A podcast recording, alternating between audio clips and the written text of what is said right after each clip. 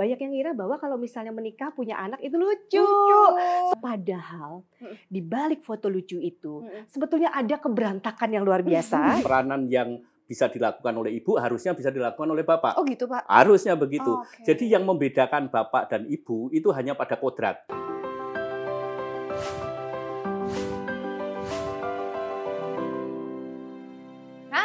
Kita udah berjumpa lagi di episode kedua dari Selalu Sigap by Tanoto Foundation. Senang sekali hari ini saya Anastasia Pradita bisa menjadi bagian dari Selalu Sigap by Tanoto Foundation. Nah, Selalu Sigap adalah bincang-bincang santai yang membahas berbagai topik mengenai pendidikan dan pengembangan anak usia dini di Indonesia. Dan Selalu Sigap ini merupakan sarana juga untuk berbagi informasi pastinya untuk peningkatan kesadaran dan pengetahuan publik terutama hal seperti stunting, peningkatan kualitas pola asuh anak usia dini, dan juga peningkatan akses dan layanan pendidikan anak yang berkualitas. Dan hari ini di tangga sendiri pastinya di Selalu Sigap akan ada narasumber yang kompeten yang akan membahas mengenai topik kita di hari ini, membahas mengenai kesiapan untuk menjadi orang tua. Hari ini sudah ada di sisi sebelah kanan saya, ada Mbak Ana Surtiaryani, SPSI, MSI. Hai Mbak, apa kabar Mbak Nina? Kabar baik Mbak Dita. Beliau ini adalah seorang psikolog klinis anak dan juga keluarga yang saat ini juga menjabat sebagai Ketua Ikatan Psikolog Klinis Indonesia Wilayah Jakarta. Aduh senang sekali ada di sini. Terima kasih ya Mbak sudah hadir. Sama-sama. Dan di sisi sebelah sini ada Bapak Widodo Suhartoyo. Pak Widodo ini adalah seorang Senior Technical and License Advisor Early Childhood Education and Development di Tanoto Foundation. Dan beliau juga seorang Ketua Umum Ikatan Pekerja Sosial Profesional Indonesia. Senang sekali karena topik kita menarik kalau sebelumnya membahas mengenai persiapan menjadi pasangan berkeluarga begitu ya Pak ya. Nah kalau sekarang membahas kesiapan untuk menjadi orang tua. Karena orang menikah itu kan pasti pengen punya keturunan gitu kan. Langsung ngemikirin kira-kira anaknya mau berapa, mau lahirnya di mana gitu. Atau mungkin ada yang lagi pusing-pusing berapa sih tabungan untuk anak gitu nantinya untuk usia sekolah. Tapi ternyata banyak pasangan muda yang nggak mempersiapkan itu ya Pak ya dan Mbak ya bener nggak sih? Banyak ya yang uh, ngira tuh Mm-mm. uh, apa namanya pasangan muda nih, banyak yang ngira bahwa kalau misalnya menikah punya anak itu lucu. Lucu. Soalnya teman-teman kan banyak tuh yang Hmm. posting di Instagram ya kan Pak Wit Iya ya. betul betul. Padahal Mm. di balik foto lucu itu sebetulnya ada keberantakan yang luar biasa ya. Biasanya tuh juga anak-anak tuh kalau uh, bayi-bayi gitu ya nangis gitu ya rewel dan lain sebagainya itu nggak akan tuh muncul di posting di IG kita gitu. Yes. Nah jadi karena kenyataannya justru jarang muncul di Instagram, Mm. maka kadang-kadang orang tuh ngelihat, aduh aku pengen deh cepet-cepet punya anak soalnya lucu bisa digendong-gendong dan segala macamnya gitu. Nah jadi akhirnya lupa tuh dengan persiapan-persiapan yang seharusnya justru dipersiapkan. Contohnya, apakah benar kita ini udah cukup sehat untuk bisa mengasuh anak kita? Kalau misalnya kita sakit-sakitan mulu, waduh nanti anak kita juga ikut sakit-sakitan. Misalnya, juga Betul, anaknya. itu dia. Apakah terus kemudian kita tuh udah punya pemahaman tentang gimana sih sebetulnya memberikan eh, nutrisi yang baik buat anak kita, ya? Atau apakah kita udah tahu cara ngasuh anak tuh harusnya kayak gimana? Dan ini nih, bener nggak sih kita tuh emosinya udah stabil belum sih? Hmm. Kalau misalnya kita masih gampang marah, waduh, itu bisa punya masalah banyak nih buat eh, relasi antara orang tua dengan anak. Nah, mereka kira mereka ini sebenarnya sudah siap belum sih punya konsep punya anak yang tepat gitu, Pak? Iya, Mm-mm. eh, sayangnya di kita belum ada pendidikan yang formal Mm-mm. untuk menjadi kepala keluarga, untuk menjadi misalnya orang tua. Mm-mm, Jadi mm. tidak ada pendidikan semacam itu.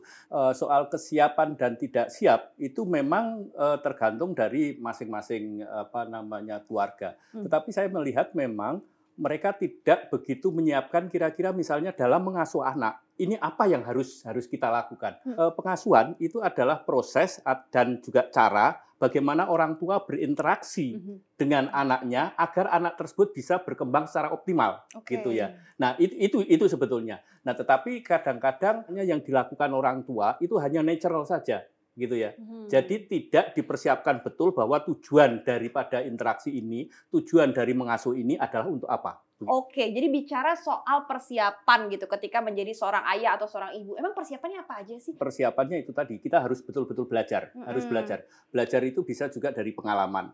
Karena banyak orang yang eh, mohon maaf ini agak malas sehingga apa yang dia lakukan, apa yang diajarkan pada anaknya itu adalah apa yang dia terima, pengalaman Dari dia diterima yang dari yang lalu begitu ya. Kan udah beda zamannya, Pak. Iya, ya makanya itu, Iya. makanya itu. Nah, kan banyak misalnya begini, eh, apa namanya anak yang stunting, ya, anak yang stunting itu katanya karena keturunannya stunting. Hmm. Iya, Jadi dia betul. pendek karena pendek. Heeh. Padahal sebetulnya tidak. Karena Padahal asupan itu gizi gitu, Pak. Yang pengaruh. Asupan gizi karena begini, karena memang dia belajar pengasuhan dari orang tuanya. Hmm. Jadi orang tuanya cara memberi makan adalah begini. Nah, saya berikan juga pada anak saya Hmm. begitu, begitu ya. Jadi ya ya begitu terus. ketika kita siap mempunyai keluarga berarti siap dengan pola pengasuhan yang akan Ya. kita pilih untuk anak kita. Nah, seberapa besar sih pengaruhnya kayak parenting ini untuk kualitas anak kita sendiri?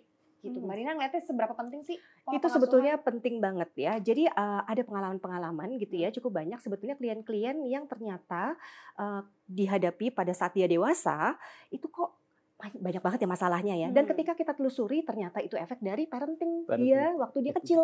Gitu Oh. contohnya. Kalau misalnya orang tuanya dia ternyata dulu tuh sering banget mengabaikan ya.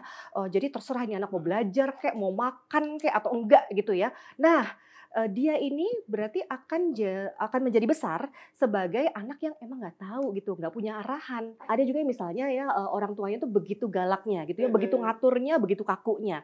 Nah, kadang-kadang mereka yang dibesarkan dengan kaku seperti itu menjadi individu yang kaku Mm. atau bahkan sangat-sangat rebellious alias Oh. sangat-sangat membangkang. Atau mungkin gitu. jadi penakut, pemalu bisa Nah, jadi. betul. Dan kadang-kadang eh, mereka juga jadi penakut, takut mengambil risiko ya, terus kemudian juga gampang depresi gitu ya. Nah, yang paling disarankan sebetulnya adalah yang eh, kita sih menyebutnya pengasuhan yang autoritatif atau moderat. Nah, Hmm. itu adalah yang orang tuanya tuh memang cukup hangat ya kepada si anaknya, tapi juga bisa ngatur gitu ya. Oke, Jadi, kombinasi ya Kombinasi, sebenarnya. jadi nggak boleh cuma hangat doang, memanjakan Hmm. gitu, bukan itu. Hmm. Tapi juga bisa mengatur, bisa memotivasi anak untuk terus-terusan berkembang. Hmm. Kalau misal seperti itu, biasanya yang dihasilkan adalah anak-anak dan em, individu dewasa nantinya ya, yang emang tangguh, pokoknya keren dan selalu sigap deh. Nah, itu ada pola-pola parenting berarti ada jenisnya ya. Kalau Bapak Iya, mungkin iya. bisa menambahkan ini. Ada autoritatif, ada yang permisif, Mm-mm. artinya bebas terserah gitu ya. Kemudian ada juga yang eh, otoriter. Otoriter. Otoriter itu betul-betul diarahkan semuanya begitu. Nah, eh, keluarga, bapak dan ibu itu harus berkomunikasi, harus bersepakat kira-kira kapan ini apa namanya pengasuhan semacam ini artinya kapan keras, kapan lunak, kapan ini itu harus juga juga didiskusikan. Siapa yang Hmm. akan berperan ini, kapan dia harus berperan ini, itu juga harus didiskusikan. Oke, bicara mengenai pola pengasuhan banyak tipe-tipenya begitu kan. Tapi kadang orang tua itu memperlakukan pola asuh yang sama untuk beberapa anaknya. Mungkin ada punya tiga anak, tapi ternyata outputnya beda-beda. Itu kenapa sih mbak bisa beda-beda hasil pola asuhnya? Oke, itu bisa macam-macam sebetulnya ya. Kenapa bisa beda-beda kayak gitu? Bisa karena memang dari awalnya itu sebetulnya bentukannya ada beda. Contohnya, anak yang pertama mungkin tingginya eh, tidak sebes, eh, tidak setinggi anak yang kedua gitu ya, atau kecepatan berpikirnya itu Hmm. beda gitu misalnya seperti itu. Dan hasilnya kemudian berbeda. Bisa juga karena relasi antar saudara kandung. Ya, Oh. Kadang-kadang misalnya nih, eh, anak pertama sama anak kedua musuhan banget, tapi dia akrab banget sama anak ketiga gitu misalnya Yes. seperti itu itu sudah akan memberikan hasil yang berbeda terhadap pola asuh walaupun eh, sebetulnya dari keluarganya sih sama-sama aja memperlakukan Mm, mm, mereka mm. gitu ya. Apakah parenting ini juga tugas orang lain tadi termasuk kakak atau mungkin pengasuh yang lain, babysitter itu hmm. termasuk nggak sih mbak? Jadi kalau aku suka bilangnya gini, jangan Mm. jadi super mom, jangan jadi super dad, tapi jadi Betul. super team. Super team. Nah, Mhm. Jadi super team itu artinya dalam satu eh, untuk mengasuh satu anak aja nih kita tuh butuhnya tuh ada mamanya, ada papanya, ya. Terus kemudian bisa juga adalah orang-orang lain yang ada di sekitar situ. Bisa nenek kakeknya, ya, atau mungkin tetangganya, atau teman-teman dari orang tuanya, keluarga besar dan lain sebagainya. Hmm. Itu ketika mereka juga bisa punya kesepakatan gitu misalnya ya, tentang bagaimana cara mengasuh anak ini, itu akan menjadi tim yang luar biasa buat membangun anak ini. Begitu Hmm. pula kita juga harus jadi super tim dengan sekolah anak kita Oke. gitu ya. Jadi eh, kita bisa sama-sama mendidik seorang anak. Kalau seandainya ternyata dalam pola asuh ada kesalahan gitu kan, mungkin juga anak kan dengan pola asuh yang salah gitu dia udah terdoktrin dalam kepalanya. Masih ada kesempatan nggak sih untuk merubah pola asuh yang salah? Gimana Pak? Selalu ada. Mhm. Dan nah, ini dibutuhkan kebesaran hati dari orang tua untuk misalnya dia membuat kesalahan, dia Hmm. juga harus berani minta maaf pada anaknya misalnya begitu ya. Harus berani minta maaf kepada pasangannya, kepada istrinya, kepada suaminya begitu. Lalu kemudian kesalahan itu kita koreksi secara bersama-sama Hmm, begitu ya. oke. Itu itu yang harus dilakukan. Mm-mm. Ada nggak sih mungkin keluhan yang sering banget didengar mengenai pola asuh soal parenting dari orang tua, mungkin orang tua muda gitu. Apa apa sih mbak yang biasa dikeluhkan gitu, dikonsultasikan? Yang paling sering adalah bingung Mm-mm. tentang eh, mengatur anaknya gitu ya. Iya. Kok anak saya begini, kok anak saya begitu gitu dan lain sebagainya. Iya. Dan eh, saya mau menggarisbawahi yang tadi Pak Widodo bilang, ya memang kita mesti belajar jadi orang tua Mm-mm. ya. Jadi jangan sampai kita merasa bahwa ah kan saya kan sudah dewasa, harusnya saya paling tahu gitu. Enggak gitu. Jangan lupa zaman kita dulu berbeda dengan zaman sama sekarang kita punya anak ya. Dan eh, untuk setiap tahap usia sebetulnya ya berbeda-beda juga cara pengasuhannya Hmm. sehingga apa boleh buat emang kita harus belajar lagi jadi memang eh, apa boleh buat kita terus-terusan belajar untuk mengasuh anak kita Hmm. supaya bisa menghasilkan anak-anak yang terbaik gitu dari kita Oke, jadi harus terus belajar. Intinya seperti Harus itu. Ada mau ditambahin Bapak gimana? Di Tanoto Foundation Mhm. kebetulan ini ada program yang namanya Rumah Anak Sigap. Jadi betul-betul di situ adalah proses eh, pendidikan dan pembinaan bagi anak-anak usia 0 sampai 3 tahun. Hmm. Jadi programnya di situ ada program yang kita sebut one on one begitu ya. Hmm. Jadi kan tadi saya katakan bahwa setiap manusia, setiap anak sekalipun itu unik. Jadi ada ada program yang one on one. Jadi satu fasilitator dengan satu Oh, jadi ada anak sarana begitu ya. konsultasi gitu konsultasi ya, semacam itu. Hmm. Ada one on one, ada yang pertemuan berkelompok dan juga ada kegiatan yang berkaitan dengan home visit. Hmm. Jadi ketika ada ada orang tua yang karena kesibukannya, kemudian karena hal-hal yang lain itu tidak Hmm. bisa datang ke rumah sigap, itu fasilitator atau kader begitu itu akan datang ke rumah si keluarga ini, anak ini begitu, untuk Oke. mendapatkan apa namanya layanan dan sebagainya. sebagai seorang psikolog anak yang dan juga keluarga nih Mbak, ada nggak sih anak-anak yang mungkin konsultasi curhat gitu mengenai kondisi keluarganya atau mungkin orang tuanya yang nggak pernah bisa mengerti dia ada juga gitu Mbak? betul itu banyak banget ya jadi kalau misalnya kita eh, katakanlah saya datang ke satu sekolah ya itu selalu ada komen-komen habis mamaku begini atau mamaku begitu gitu ya itu ada aja gitu Iya, iya. Dan eh, contohnya pada anak-anak yang udah remaja itu mereka juga punya curhat banyak tuh biasanya tentang orang tuanya. Artinya setiap anak walaupun kita tuh niat banget nih membesarkan dia sepenuh hati, sepenuh hat, apa jiwa dan Iya. segala macam gitu ya. Eh, memang bisa kok punya pendapat-pendapat sendiri tentang Hmm. bagaimana orang tuanya bersikap terhadap dia gitu dan nggak apa-apa juga. Yang penting adalah itu dikomunikasikan dalam keluarga supaya bisa memberikan eh, penyelesaian masalah gitu jika itu dibutuhkan. Nah kalau misalkan problem seperti ini dari anak, mungkin sekarang ada sarana konsultasi juga dari Tanoto Foundation. Apa sih Pak mungkin yang bisa di-share juga ke T-Friends yang ada di sini yang muncul gitu persoalan parenting nih Pak? Eh, kalau ini berkaitan dengan solusi tadi yang disebutkan oleh Mbak Nina, ada satu yang agak hilang di masyarakat kita, Mhm. yaitu makan bersama. Ya, Yes. jadi pada waktu makan bersama itu adalah eh, waktu yang sangat tepat Mhm. bagi keluarga untuk berkomunikasi, untuk saling apa menceritakan apa yang dialami, Kesehariannya. kesehariannya, masalahnya apa, lalu bagaimana. Dan itu yang agak kurang begitu ya. Agak hilang saat ini di di Indonesia, di masyarakat kita.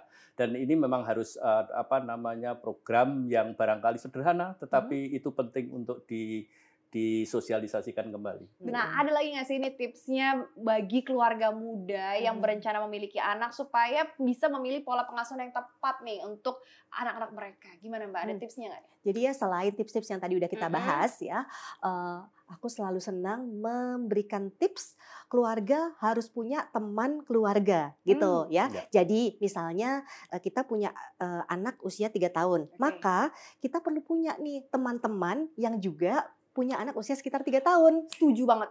ya kan? Kenapa perlu? Karena kadang-kadang kita bingung kan, Hmm. aduh ini anak ini diapain ya gitu. Kita kan perlu ide dari orang lain. Ya. Selain itu, ketika kita merasa lagi jatuh bangun banget, kita juga bisa dapat support dari Hmm. si eh, teman-teman ini. Mm-mm. Ketika kita bisa saling mensupport satu sama lain, ah itu akan lebih nyaman buat kita, lebih tangguh deh kitanya. Oke, Kalau dari Bapak gimana tipsnya dari seorang ayah, dari sosok atau pandangan seorang laki-laki? Kadang-kadang parenting kan kebanyakan ibu nih yang bertanggung jawab. Ternyata ayah juga banyak deh perannya. Memang itu sebetulnya peranan dari dua orang tua, dari bapak dan ibu. Hmm. Jadi sering kali ada pertanyaan misalnya apa peranan bapak dalam mengasuh anak itu itu pertanyaan yang kurang menurut saya kurang tepat. Hmm. Jadi peranan itu adalah peranan dari orang tua. Karena peranan yang bisa dilakukan oleh ibu harusnya bisa dilakukan oleh bapak. Oh gitu pak. Harusnya begitu. Oke. Jadi yang membedakan bapak dan ibu itu hanya pada kodrat. Nah Mm-mm. kodrat itu akan hanya tiga, Mm-mm. yaitu Apa mengandung, melahirkan, sama menyusui, Mm-mm. gitu ya. Kodrat, Jadi selain itu semua bisa dilakukan berdua.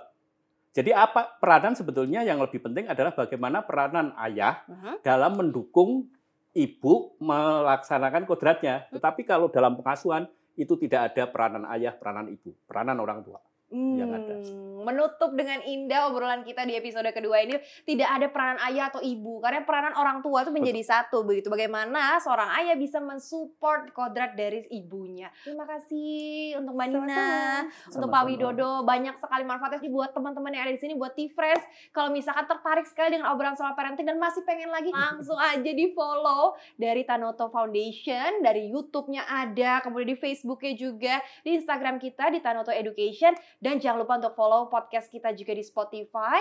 Itu ada bincang inspiratif di Spotify. Terima kasih Mbak Nina. Sama-sama. Terima kasih, Pak Widodo. Terima kasih T-Fresh. Sampai Terima jumpa. kasih.